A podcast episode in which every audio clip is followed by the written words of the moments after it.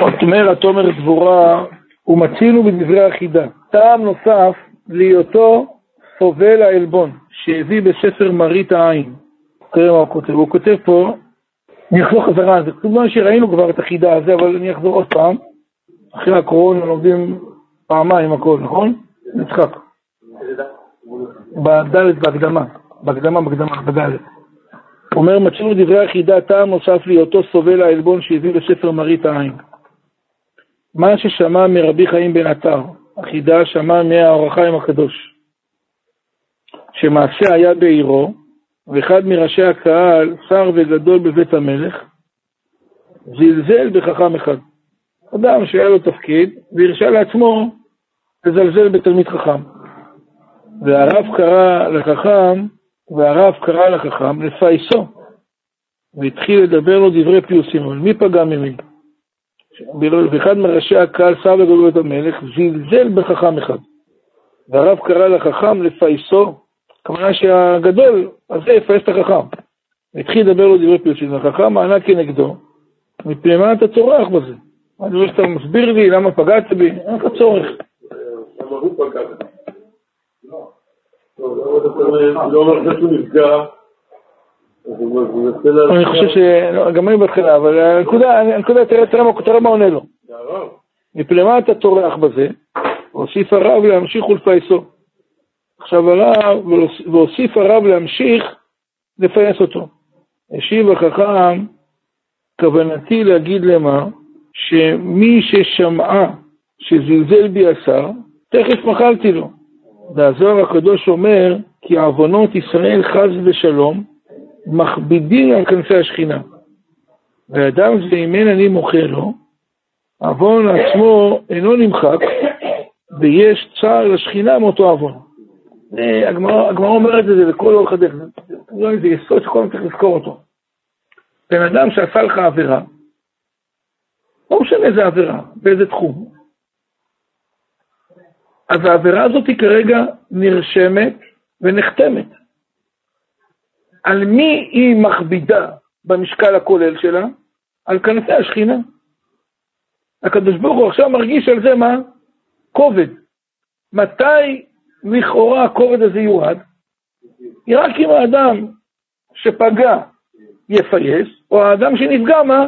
ימחל. אז אמר לו אותו תלמיד חכם, לאותו אדם שר שפגע בו, אני לא רק בגללך אני סולח לך, אני מוכר לך בגלל צער השכינה. לכן מחלתי לו תכף, ולא היה מקום שיהיה חלוט לעוון. טוב, זה כבר דרגה מאוד מאוד גדולה. ברגע שהרגשתי שאני כבר מתחיל להיפגע, התחלתי במקביל לעבוד על הפגיעה, איך אני מה? מוכר ולא מכביד על כנפי השכינה. דרך אגב, צריך לזכור שאם אתה מדבר על בין אדם לחברו בפגיעה, תיקח את המשוואה, תכפיל, תעלה אותה בריבוע בשלישית, אם זה קורה בין בני זוג. הצער של השכינה הופך להיות פי כמה וכמה יותר, יותר כבד. כי כששני אנשים זרים, אז אחד כלפי חברו, עובר על ואהבת לך כמוך.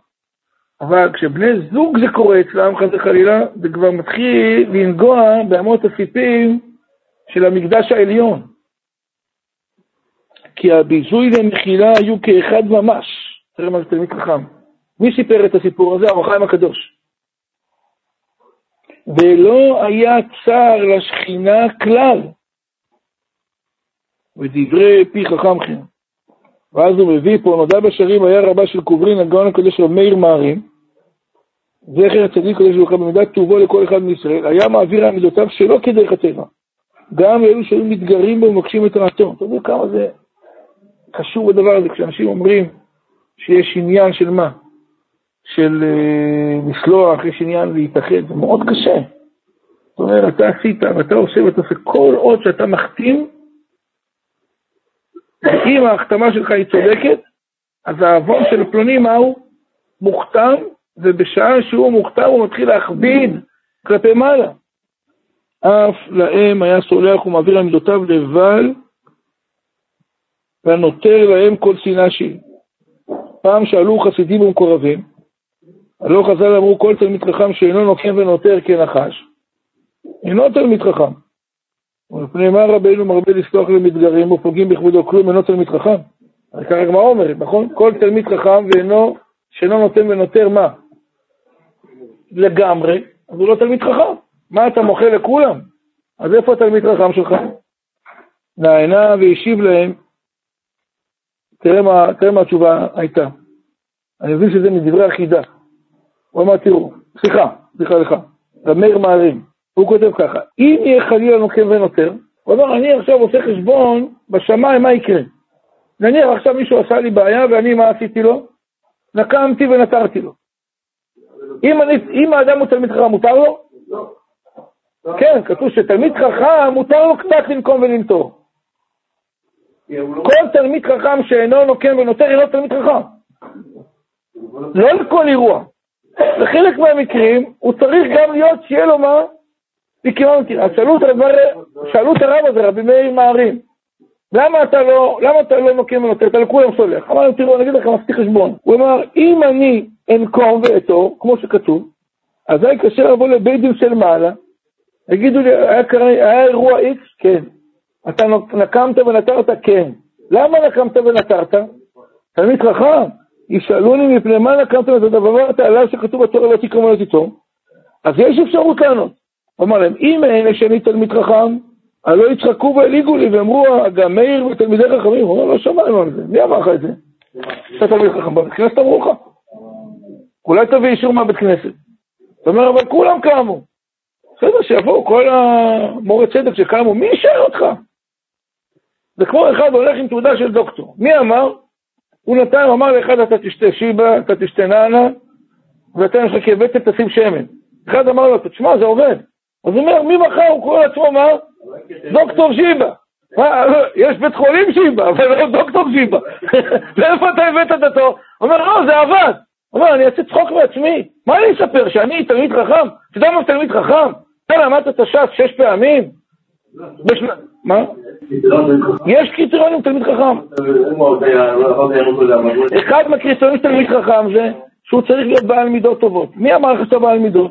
יש תלמיד חכם ששואלים אותו בכל מקום בהלכה ומה הוא? יודע והוא לא ממציא. יש קריטריונים תלמיד חכם. אמר רב מאיר, תגיד, אני אסתבך, עדיף לי להגיד שאני לא תלמיד חכם, לא רוצה לקרוא אותו, אל תספחו אותי בשמיים. אבל אם ישאלוני הלא תלמיד חכם אתה, ועכשיו נגיד, יגידו לו בשם, תשמע, אנחנו יודעים שאתה יודע. אתה תלמיד חכם? למה לא נקמת ולא נותרת? תהיה שאלה הפוכה, נראה שהוא תלמיד חכם עכשיו אמיתי, יש מצב שישאלו אותו. אז הוא אמר להם, לא ידעתי שאני תלמיד חכם, לא ידעתי. מה יגידו לו בשמיים? מגיע לך עוד פרס על זה. הוא אמר, אני מעדיף להיות בקבוצה הזאת. אל תסתבך, בקיצור, לא לבנות על מה שאומרים לך כלפי חוץ. לא אלה שיכניסו אותך, כנראה אלה שמה? יספחו אותך. אתם מדליקים אדוני אלוהיכם. חיים כולכם היום, וקנאנו בנקל שיאמר, כל חשבון כל הגדיל תורה והדיר.